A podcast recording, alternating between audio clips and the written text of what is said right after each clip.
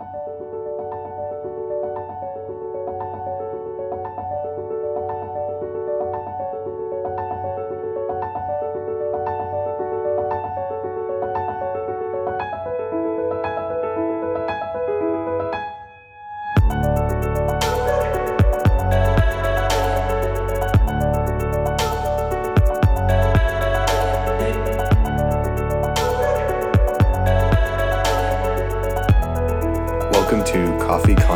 I'm your host, Mitch Sims. Let's get started.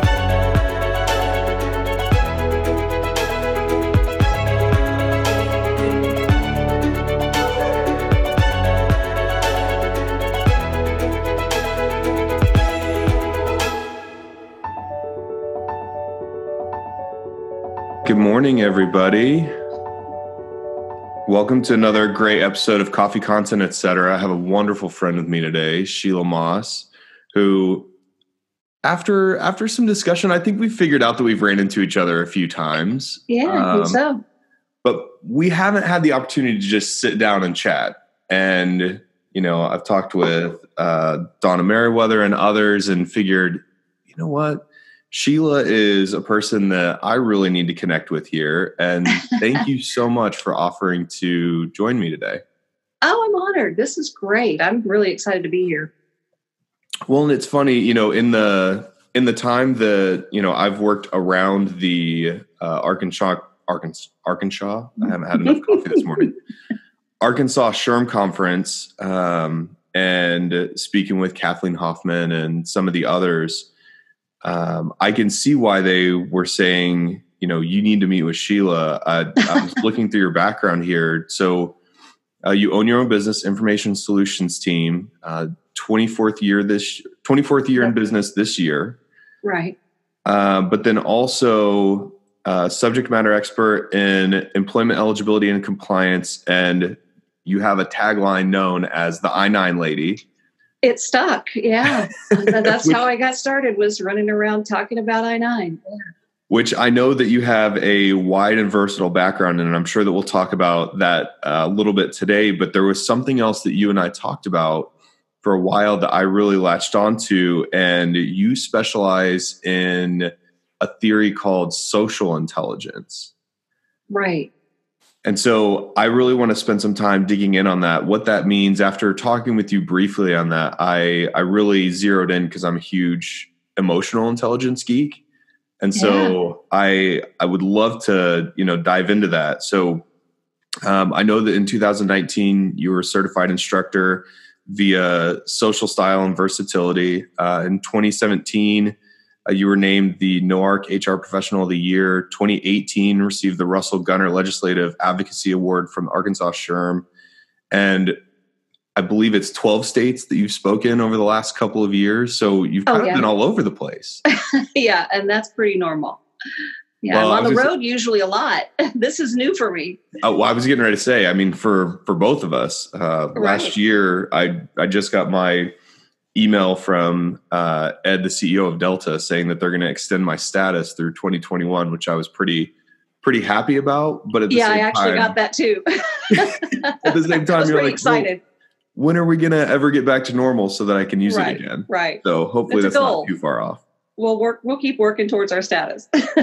Absolutely. Well, so you and I started off the conversation uh, talking about I nines and the the work that you and your team does. Can you tell me a little bit about the uh, I nine audits and work that you do for some of your clients? Oh, absolutely. That's like I said. That's where we really got our start in HR consulting. As we we we specialize, and it was at a time decades ago when there really wasn't a lot of information out there from the government about I nines, and yet they were so important. And if you don't do them correctly, you could even have your business shut down. Small thing, right? So we, my team and I just sort of decided to, uh, we began to do some I 9 auditing uh, as sort of out of a, a kind of an odd circumstance. We were working for another for an HR group, and they needed that done, and we we took it on. And I and I look back at that, and I wonder how well we really did. But we got really interested in the fact that there wasn't a lot of information out there for employers, so we dived into it. we spent about 18 months collectively, uh, well, uh, 18 months straight for all of us learning every single thing we could learn. We talked to ICE agents, we talked to attorneys, we talked to anybody that would talk to us. And um, luckily, we became experts, nationwide experts in I 9. And so since then, our goal there, uh, we have some of my consultants, that's, that's all they do. They specialize in I 9. And that we've come up with a program that we've put in place for employers that if, if they choose to do it this way, um, we haven't had a single employer that's ever had even a warning notice. They've we've been and we work largely for food producers across the nation. We cut our teeth on the Arkansas poultry uh, business, and so we sort of continued in that vein. We work for all all kinds of businesses, but food production has obviously a large, uh, typically a large group of folks from other com- countries that come into work, and so. Um, but we've we've sort of figured figured out a way that we we managed to make it through every kind of audit known to man by every government agency, and we've never had a fine or, or letter. So we think we're on the right track there. I would say that would be the right track. I don't know another track that you want to go down. That's, That's fantastic. Right. Well, yeah. so in our conversation, like I said, we we started out talking about I nines, background checks, all that fun stuff. Um, but you and I really struck up a great conversation around a theory called social intelligence. So, Sheila, what is the idea of social intelligence? Well, its its basic definition is uh, the capacity to know yourself and to know others. That's that's the boiled down definition of it. And social intelligence applies not just in the workplace. It, you can kind of use it interchangeably with maybe tact it's how you deal with others. Are you tactful in your relationships? Do you know yourself well enough to know how you behave? And do you know and care enough about knowing about the people you are with, family members, work work teams? Do you know enough about them or do you care enough to know about them so that you meet them where they are? That you are are and, and the term I'm going to use probably a lot is versatile, that you are willing to to sort of bend and meet people where they are, not just meeting your own needs.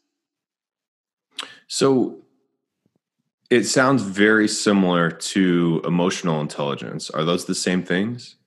Very close. Um, for anybody that's, you said that you are kind of an emotional intelligence geek. Uh, if you've looked at that, you know these four things that if to increase your emotional intelligence, you look at self awareness, self management, empathy, and relationship skills. So, kind of four things that if you can increase those things, you're considered to have a, a higher level of emotional intelligence.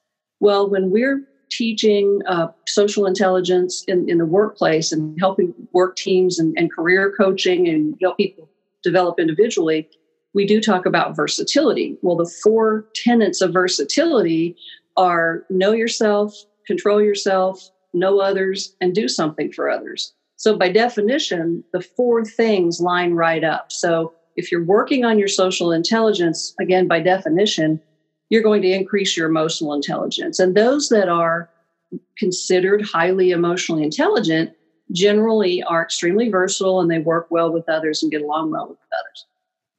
Okay, that makes sense. So, tell me, how is social intelligence being used in the workplace today?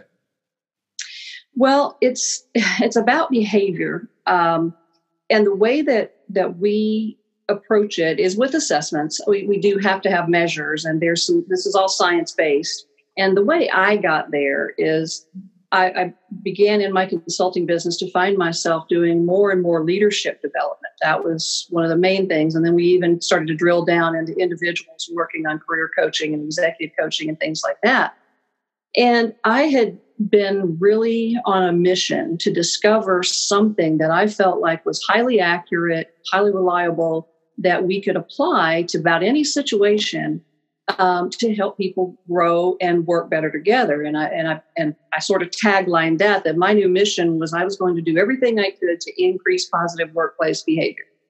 Well, I came across this. Uh, it was actually in some college curriculum uh, through a friend of mine that I discovered the, the social styles and versatility program. And so when we go into the workplace, we do we actually assess for someone's social styles, and they, they tend all of us tend to fall into uh, some broad categories, about four categories in our behaviors. And the reason I like this and the way it applies to the workplace is that it's not about your personality. There's a lot of your personality, there's things you don't even know. Could even be genetic that makes up your personality. But your but your social style is is your behavior. It's what you say and do. It's what people know about you when they see you coming. Well, your work team works with you on a regular basis, sees you every day, and they're actually going to be able to tell you how you behave. You, they're going to have a pretty accurate assessment of how you handle pressure, how you handle uh, delivering news, how you handle people. And so it, we began to use these assessments to determine the styles. And we also have an assessment that actually measures your versatility, how well you meet others and meet their needs, as well as your own. And so um, becoming more versatile is actually like i said that that is the goal throughout these programs to make sure that, that people do uh, get along better with each other and there's there's some places that, that in social styles that's your behavior a lot of it does not change have you ever worked with uh, i'm just going to say it you ever worked with somebody you thought was a drama queen or a drama king, right? Everything's always something big and it might even be negative, And you wonder why that person is always that way. Well, the reason people don't change is because they don't know they need to. So we start with trying to raise the awareness individually with people so they can kind of see themselves realistically. And then uh, we, we, we dive into what makes up the difference in somebody being a really expressive person and being positive or being a really expressive person and being negative. and and we try to help them then coach out of the negative of course into being you know they can be expressive and they can be out outward with their emotions but to try to target those in positive ways so that others are a little more led to them and so in the workplace uh, determining those styles and the versatility we can help people understand why, you know, if you've got that person you work with and you think, gosh, why doesn't she ever change? Well, she may not ever change, but you might be able to adjust your behavior to work better with her. So that's some of the ways it's working in the workplace right now. Oh no, Sheila, you're not allowed to talk to my wife. So hey, this does spill over into your home life, I'll tell you. it actually is really helpful at home. well, so eh, you know, we in this conversation that you and I had, uh, we really we dove into styles for a few minutes. Can you uh, tell us a little bit more about styles and how those can be positive or negative contributors to our individual jobs based on the role we work in day to day? Certainly. There's let's let's take the first one. Some people fall into a category called the driving style, and I'm just going to kind of boil these down. But driving style individuals are just like it sounds, these are very aptly named. It's let's just get it done right now. They're just go getters. They're sometimes perceived as aggressive. Um, you know, and let me say going into the styles. There's no right or wrong style. All of these, it's just the way we behave. It's just the way we fall in, into uh, some standardized behaviors. But um, on a driving style person, they they are really go getters. They're they're not really worried about risk. They're not afraid to just get out there and get the job done. And so that can be a really positive thing in the workplace. Of course, if they're highly versatile, then they're that's going to be a great person to lead a project or lead a team they may inspire people and they may really get work done on time. An- another style is called an expressive style, and it's like it sounds. It's people that maybe like to tell stories and they like to use their hands a lot. I'm kind of one of those people, and uh, they they don't mind having an audience, and they kind of like to be the life of the party. Well, as long as they're positive, you can imagine they're kind of like a cheerleader. So if they're in a work team then they may be leading teams into you know fun projects and new ways of doing things and expanded thinking because they're pretty spontaneous. But if they're negative if they're not very versatile that's where your drama queen might come in because they're really expressive but if they only express negative things then of course that that takes a toll on everybody around them And so another style is called an amiable style. These folks are um, they're just like it sounds. They're just they're super nice people. They're natural born collaborators. They're great team members. They love working with others. Uh, they'd rather work with others usually than by themselves. And so when we help people identify that this is how we can adjust teams sometimes to help people understand why certain people are just maybe predisposed to want to work alone as opposed to want to work on a team or be more comfortable doing so and the other style is called the analytical style. And that's, uh, again, kind of like it sounds, they're very data driven and they're just the facts. They, they want data, they want to be right, they want to know that they've done their research. They might want to work alone. They don't really need a lot of input to get to the facts, and they don't really want to give up the, any of their information until they're sure they're right. So, as you can see in all those different kinds of behaviors in the different styles, you could see why maybe some would work well together and some wouldn't. If you have a driving style individual who's a go getter, let's get it done, on a team with an amiable person, and, and maybe they're not very versatile with one another, then the driving style person may run right over that amiable style individual. And, and an amiable style doesn't, they don't like conflict. They don't want to deal with conflict and their their backup style if they're if they're in conflict is just to give in and so then you may not have effective teamwork because you got one person that's driving the bus and one person that's standing back going okay i just don't want to bother anybody and i don't want to get in this and so that's why we measure that and then we begin to look for ways to, to teach people how to work work better together because of it so one of the things that you just mentioned in conflict um, in a lot of the training sessions I've been in, that's another code word for stress. Exactly. So I think about today, like what everyone's dealing with with working from home, having the kids at home. Now you're a teacher, plus you're doing your day to day job. Uh, for me, I joke with my friends, like I wake up. I hope you've seen this movie, but I wake up like Bill Murray in Groundhog Day.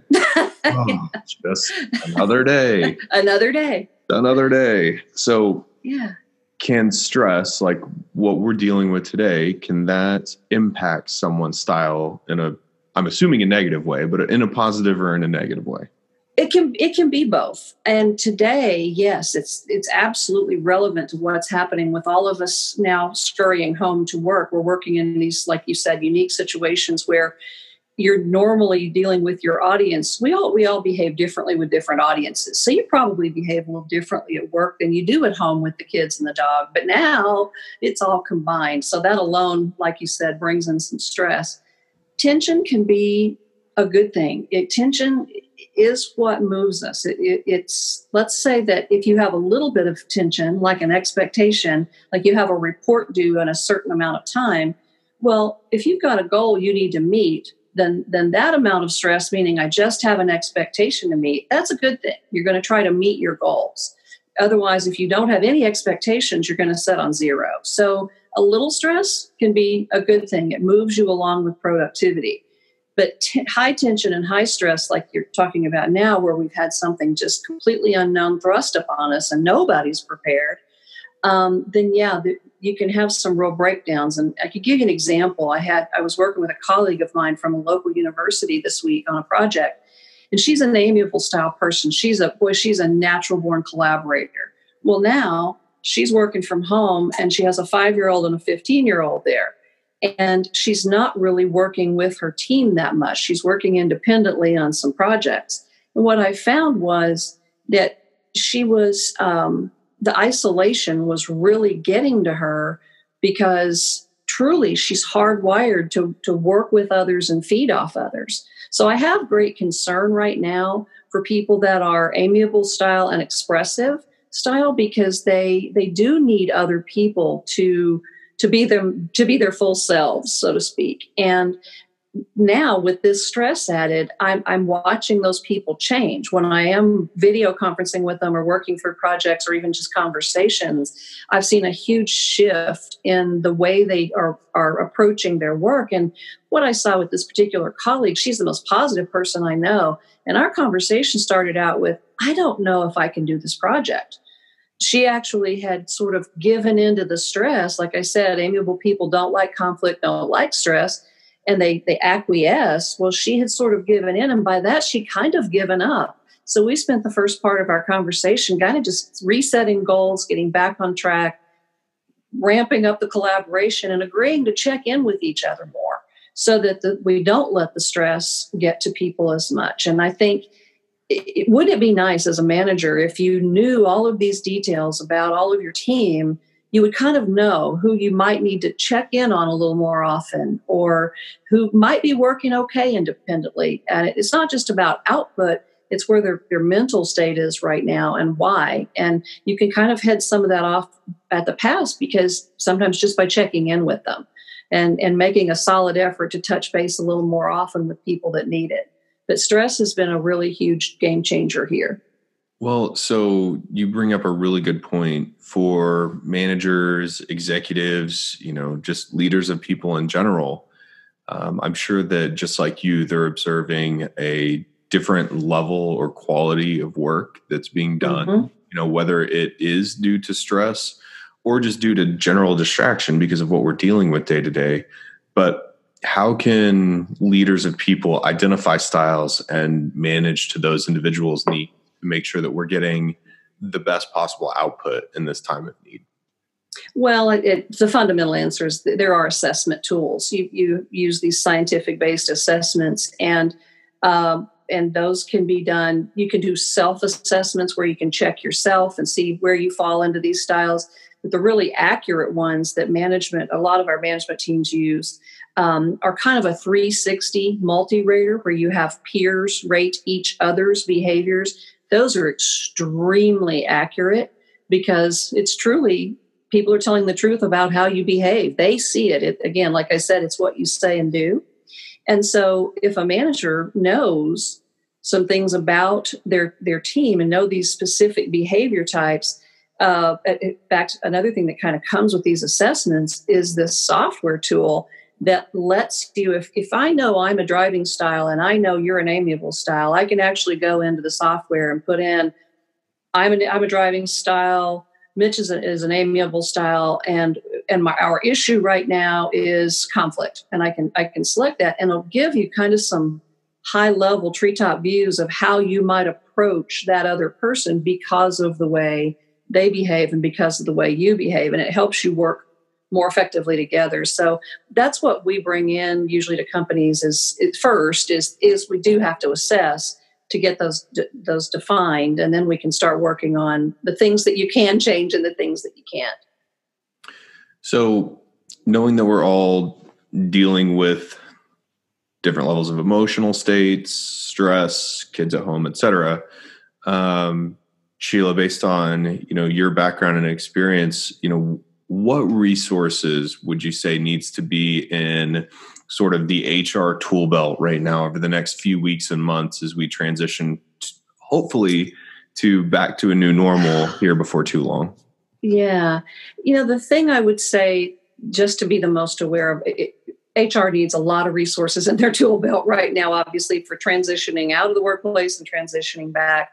But but specific to this, I would say to watch time management. The people that are not used to working from home, it's just like we've said, it's just a whole new ball game. And knowing how to manage, you know, I've heard a lot of people talking about they're doing full full podcasts, of course, on how to just work from home, which is great.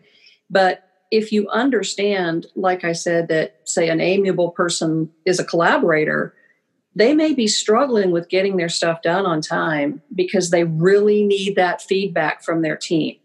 So, as you're, I really am trying to get people back in kind of a, a high touch environment where even though we aren't together in the same room, and I know nobody wants to do video conferences all day long, and it, plus you have to put on makeup and things, you know, and, and pants maybe. I think what I've hear what I've been hearing, but um, but I would say that you you want to make sure you have enough check ins on a regular basis to make sure that people understand that they're, first of all, not alone and that the team still matters. And then you can help work on the on the issues of time because like i said driving style individuals they're probably out there they're getting it done. They, they don't really need the whole team there to get their work product produced or whatever the service is. But but some people are really going to struggle with this just by nature and really for hr the only way to overcome that is just just to touch base just to check in not to not to you know micromanage but truly maybe just a, a, quick video conference to check in, look somebody in the eye and, and say, how can I help you? What can I do? And I know HR's covered up right now. I know everybody's dealing with also, you know, the layoffs and the, this restructuring of their businesses and things. And so I know time is of the essence for everybody. And I haven't talked to an HR pro in the last month that hasn't used crazy in a sentence. It's just crazy. Uh, so I get that. But I think being sure to stay in touch is going to be the, the main thing to keep everybody on task. So we've been all over the board talking about I-9s, um, states, uh, you know, thrown around the word crazy plenty. Is there anything that you felt, you know, we missed in our conversation that you think could bring value to our listeners today? I do. Um, empathy it's you started out talking about emotional intelligence and that is a huge piece of emotional intelligence and then i mentioned it is also knowing others and doing something for others is the way we become more versatile in our relationships. Right now especially you have got to put yourself in someone else's shoes. I know we're all dealing with stress we've never had to deal with. We're all dealing with situations we've never had to deal with and that's that's crazy. But you need to take a moment to think about that other person. And I found myself actually kind of getting closer even during this to family members because I and, and friends and work teams because I can't jump in my car and go see them. There's something about that privilege being taken away that I'm trying to make up with that by by doing a video call, doing a FaceTime, doing something to make sure that I understand what they are going through and what they need. And I think empathy is going to be the key word as we come out of this, and especially going back into the workplace, because there's going to be a lot of fear going back to work. We all know that, and it's going to take take a minute for everybody to kind of settle into that and be okay with it. And it's going to require a lot of patience and a lot of empathy. That that would be my parting advice. I could not agree with you more there. Uh, it still sticks with me. One of the things that Christy said on our very first episode is everybody needs to have a little bit of grace. And yes, I think and be kind. absolutely. And you know, yeah. you just need to be human in this moment and make sure that you can, you know, like you said, Sheila, put yourself in someone else's shoes. Uh, so that you can see things from their perspective and again make sure that you're giving everybody a fair evaluation of whatever you're trying to you know evaluate them on and right so, um, well, Sheila, thank you again so much for joining me today. Uh, this has been a wonderful thank conversation. You. And if people wanted to learn more about uh, social intelligence, where can they where can they go? Can they go to you? Can they go somewhere else? Absolutely. And yeah, they can come to me. I would love that. And I'm on LinkedIn, or I can make sure that, and you've got my contact information. You're welcome to share it with the listeners. That's fabulous. And if there's anything that I can do for anybody, especially right now, let's video conference it up. I've got that seems to be the thing to do.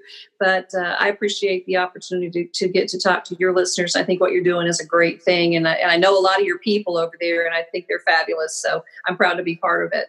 Yeah, we need more more Oklahoma Arkansas SHRM collaboration, don't we? We're going to work on that. That's right. That's right. We we've got it started. That's great. Absolutely. Well, thank you again, Sheila. Thank you to everybody who listened. And I hope you all have a wonderful rest of your week and everybody stay safe. Take care, everybody. Thank you, everybody.